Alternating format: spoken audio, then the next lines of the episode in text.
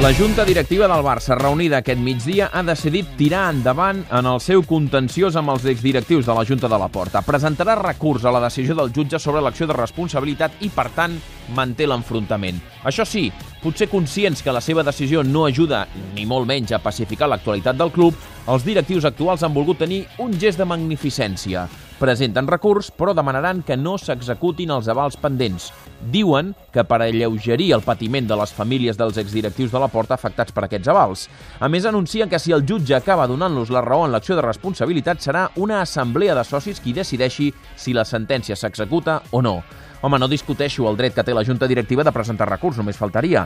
Tampoc el d'arribar al final en tot el procés judicial. Però si ho volen fer, que ho facin obertament, de manera clara, sense hipocresies. Per estalviar patiments als demandats hauria estat millor no presentar recurs en lloc d'evitar executar els avals. Si volen seguir endavant fins al final, ho poden fer sense demanar una assemblea que sigui ella qui posi el llacet i que decideixi si executa o no la sentència. Fa una mica la impressió que l'actual Junta ha volgut llançar la pedra i amagar la mà. Amb l'argument de beneficiar el Barça han preferit seguir la seva guerra personal emparant-se a més en els socis en lloc d'anar a cara descoberta. En resum, enterrar la possibilitat de pactar amb l'altra part, oblidar el tema.